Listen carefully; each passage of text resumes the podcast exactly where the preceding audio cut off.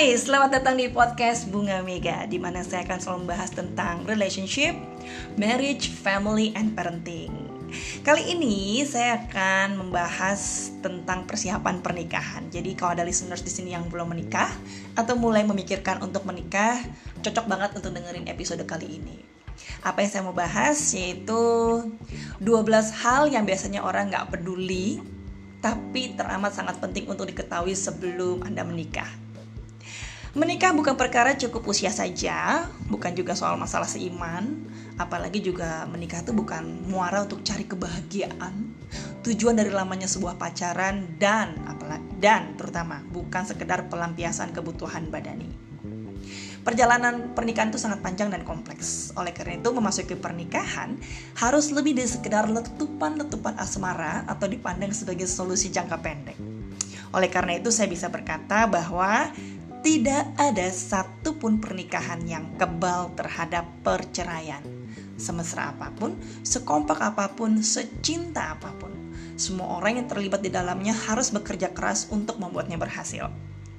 Sebagai seorang konselor, berapa kali saya menangani klien yang konseling uh, online melalui @wanda_counseling.id tentang isu-isu pernikahan mereka. Bahkan ada dari beberapa dari mereka tuh ingin menyerah.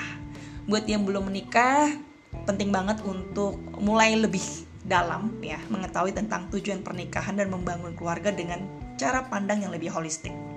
Mengapa? Karena Indonesia disinyalir menjadi negara darurat perceraian. Tahun 2018 ada setengah juta perceraian di Indonesia. Artinya ada sekitar kurang lebih 40 kasus perceraian setiap jamnya. Wow. Terus kenapa itu jadi masalah? Masalah banget. Karena keluarga adalah institusi pertama dan terkecil dalam unit masyarakat yang dampaknya luas sekali. Isu fatherless, toxic dad, toxic moms, abusive marriage, sexual harassment, incest, dan lain sebagainya hanya sedikit dari masalah-masalah yang ada di dalam keluarga dan tercipta karena pernikahan yang gak matang, gak sehat secara jiwa, dan dampaknya teramat mahal karena harus ditanggung oleh anak sebagai korban. Apakah di antara listener saya di sini ada yang merupakan korban dari keluarga yang tidak berfungsi? Karena banyak juga yang datang kepada saya di sesi konseling bercerita bahwa mereka lah anak-anak tersebut. Mereka adalah korban dari kekerasan fisik, psikis, verbal, emosi dari orang tuanya, korban pertengkaran, korban perceraian orang tuanya, korban dari rumah yang gerah dan buat mereka harus mencari orang lain, tempat lain, aktivitas lain sebagai pelarian dari kesepian dan kesedihan yang ada di hati. Korban-korban anak ini bayangkan ketika akhirnya mereka tumbuh menjadi orang dewasa yang tidak yang terus membawa luka batin, yang nggak pernah ada intervensi, nggak pernah mendapatkan pemulihan, dia akan tumbuh menjadi orang dewasa yang rapuh, traumatis, menimbun luka dan tanpa sadar mengulang pola yang sama dalam kehidupan pernikahan mereka saat dewasa. Jadi pertanyaannya, apakah benar Anda siap menikah? Kali ini saya akan membahas tentang 12 hal yang biasanya orang nggak terlalu peduli karena kadung cinta dan terbiasa namun amat sangat penting jika Anda indahkan. Dampaknya sangat tidak indah untuk pernikahanmu kelak. Diindahkan jadi nggak indah ya? Boleh dicatat, boleh di save, boleh juga di share link podcast ini supaya bisa membantu teman-teman ataupun orang-orang yang anda kenal lainnya. Nomor satu yaitu siapa Anda atau siapa calon Anda sebagai produk dari orang tuanya. Kita ini adalah produk dari orang tua ataupun caretaker yang mengasuh kita. Nilai, budaya, kebiasaan baik atau buruk akan diturunkan. Just try to be realistic bahwa secinta apa pun Anda pada calon dan calon pada Anda, mengubah sifat dan kebiasaan adalah hal yang amat sangat sulit kalau mau dibilang mustahil. Simpelnya, what you see is what you get jadi saran saya pertama adalah perhatikan keluarga calon Anda seperti apakah mereka, bagaimana profil orang yang membesarkannya. Jangan pernah remehkan ini ya. Karena walaupun Anda tidak serumah, tapi nilai dan budaya akan tetap melekat. Ya, yang nggak serumah hanya fisiknya, tapi isi otaknya, isi hatinya itu murni buatan rumahnya. Ambil waktu untuk kenal dengan orang-orang yang membesarkannya. Perhatikan cara mereka bicara, hal-hal hal-hal apa yang biasanya menarik atau menjadi konflik di antara mereka. Tanya kepada pasangan Anda bagaimana ayahnya memperlakukan ibunya dan begitu juga sebaliknya. Apa juga yang calon Anda rasakan tentang figur orang tua ataupun caretaker semasa kecilnya dia? Setelah tahu, maka Anda akan dapat gambaran realistis serta potensial konflik di masa depan. Yang kedua, buka-bukaan luka. Saya percaya bahwa setiap orang punya masa lalu yang mungkin mereka kurang banggakan. Selidikilah diri dan calon Anda tentang luka batin, kesedihan, trauma, terutama juga nih ya yang terkait dengan hubungan orang tua anak atau masa kecilnya. Tanya juga apa penyebab semua kandasnya hubungan dia dengan mantan. Apa yang kira-kira nggak works dan ingin ia ubah dalam hubungan dengan Anda. Jika ia masih belum bisa menerima masa lalu, masih ada kepahitan dengan kondisi orang tua dan keluarga, keputusan terbaik adalah untuk mencari uh, pertolongan profesional. Sarankan untuk pergi ke konsul uh, untuk konsul ke psikolog ataupun konselor dan jangan biarkan terus disimpan karena luka yang nggak dibereskan akan merusak pernikahan yang akan dibina nanti. Begitu juga dengan Anda apabila Anda masih ada rasa sakit hati, luka, trauma, kesedihan, jangan menikah dulu tapi bereskan ya. Tapi kalau misalnya si dia tidak bisa menerima masa lalu Anda, kondisi keluarga Anda, keputusan terbaik adalah tidak melanjutkan hubungan. Jangan pernah berpura-pura dan jangan mendiskon diri Anda sendiri. Karena Anda berharga terlepas dari masa lalu Anda. Okay? Yang ketiga, it is pattern, not content. Apakah Anda kalau pacaran suka ribut-ribut receh, suka curiga-curigaan gak penting, lelah jaga hati?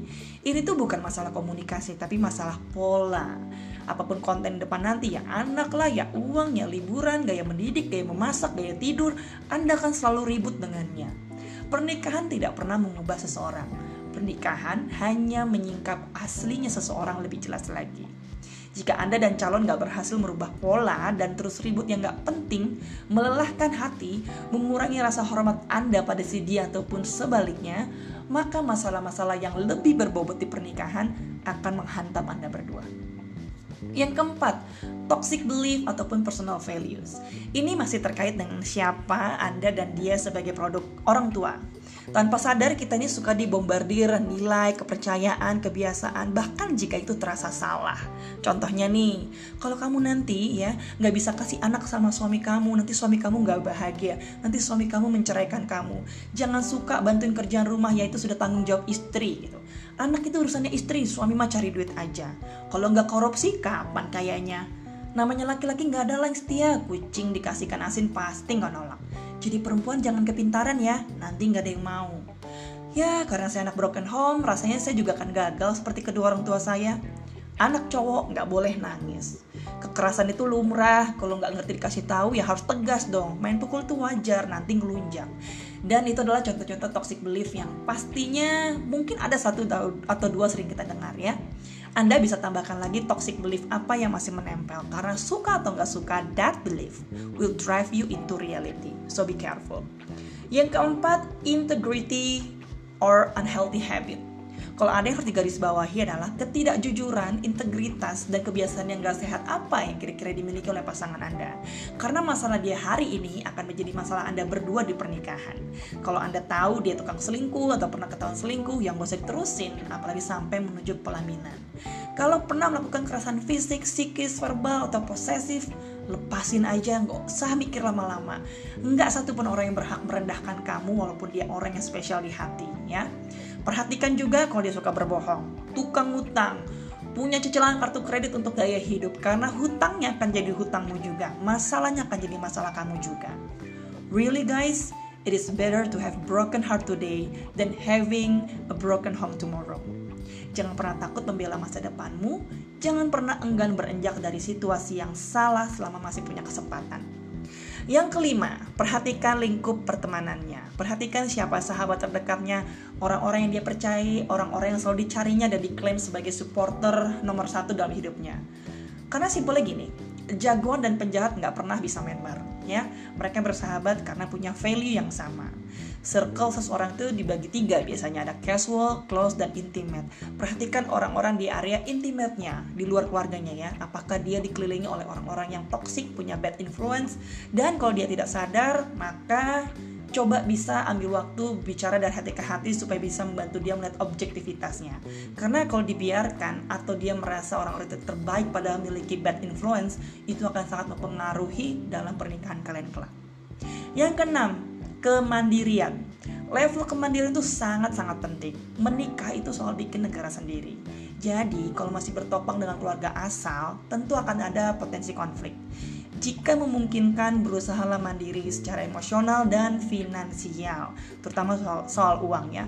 If you cannot afford the life that you live now, ya, ya be realistic aja Artinya ya turun gaya hidup, sesuaikan budget. Kalau dulu mau keliling dunia sesuka hati tinggal geret koper karena orang tua yang beliin tiket ya kan semua ditanggung. Sekarang tentu dengan uang kita ada kerja sekarang dari bisnis sekarang ya mikirin nabung lah beli rumah atau buat pendidikan anak dulu ya duitnya cuma segitu ya udah terima aja karena kondisinya memang masih seperti itu ya kalau kita terus-terusan nempel suatu hari itu akan menjadi sebuah konflik. Kenapa? Artinya kita memberikan celah kita nggak punya healthy boundaries sehingga bisa saja mereka akan ikut mengendalikan atau ikut campur dalam negara yang akan anda bangun. Yang kedua tadi soal emosional. Sudah bisa belum menyelesaikan masalah secara mandiri?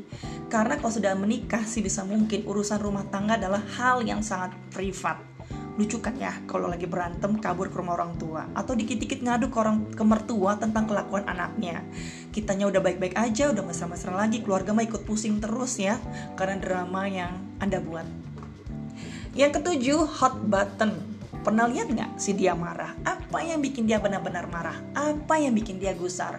Konflik apa yang ingin dia hindari topik diskusi? Because everyone has their own hot button. Ini sewaktu-waktu bisa meledak. Ketika marah, perhatikan apakah ia mengeluarkan kata-kata kasar, berusaha menyakiti Anda, mengintimidasi, dan sebagainya. Jika hot buttonnya meledak, pertanyaannya kepada Anda adalah, can you handle them?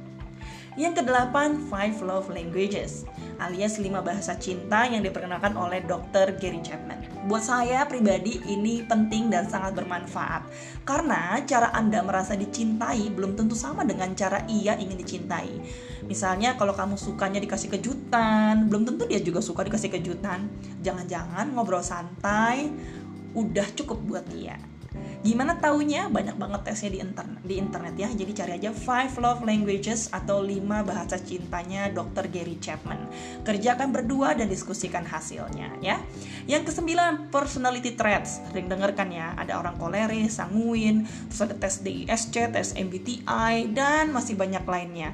Sama seperti 5 bahasa cinta, coba cari tahu seperti apa karakter bawaannya uh, pasangan dan juga dirimu dan dari situ kita bisa melihat adanya perbedaan-perbedaan yang mungkin menjadi potensial konflik ke depannya sehingga bisa dijembatani, bisa didiskusikan dari sekarang.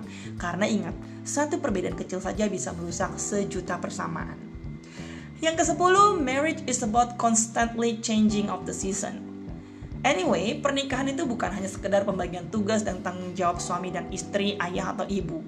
Bukan cuma sekedar apa hak dan kewajiban dalam tatanan dalam tatanan konstruksi sosial. Pernikahan dipenuhi berbagai musim yang berbeda-beda. Ada saatnya suami atau istri sakit, bisnis bangkrut, kerja di PHK, masalah mertua lah, ipar, keluarga, kondisi keuangan, kondisi fisik, psikis, beban pikiran, beban pekerjaan, kelahiran anak, harapan, impian, dan masih banyak lainnya. Setiap keluarga punya musimnya sendiri. Do not compare and do selective hearing. Itu penting banget ya. Jadi sudah siap belum menghadapi roller coaster dalam pernikahan? Yang ke-11, premarital course is really really matters. Menikah nggak cuma soal cinta dan niat ya. Butuh ilmu, butuh hikmat, butuh kekuatan dari yang di atas. And anyway, marriage is not about to become one, togetherness, but it is about oneness alias sevisi dan semisi. Gimana caranya? Perlu banget ikutan premarital counseling, kursus pranikah, sehingga kalau dari kursus ini sudah ketahuan ada bibit-bibit yang nggak baik nih yang maybe something yang nggak akan bisa kamu bisa tolerir di masa depan lebih baik tidak perlu dilanjutkan. Investasikan diri dan pasangan sebaik-baiknya untuk hal ini. Mencegah lebih baik daripada mengobati. Jangan hanya mempersiapkan pesta yang megah tapi juga hati mental dan kesatuan tujuan. Yang kedua belas happiness is not a goal. Apa tujuan anda menikah? Agar bahagia? Kalau udah nggak bahagia gimana Menikah sekali lagi butuh individu yang selalu siap belajar, berjuang, dan beradaptasi. Jika Anda tidak bahagia sekarang, sudah pasti pernikahan tidak akan pernah membuat Anda bahagia. Anyway, no matter how smart you are, marriage will get you. And always remember in marriage there is no his or her team, it just us. Semoga bisa bermanfaat. Sampai ketemu lagi di podcast saya selanjutnya and have a great adventure in your life. Choose wisely so you can live well. Bye.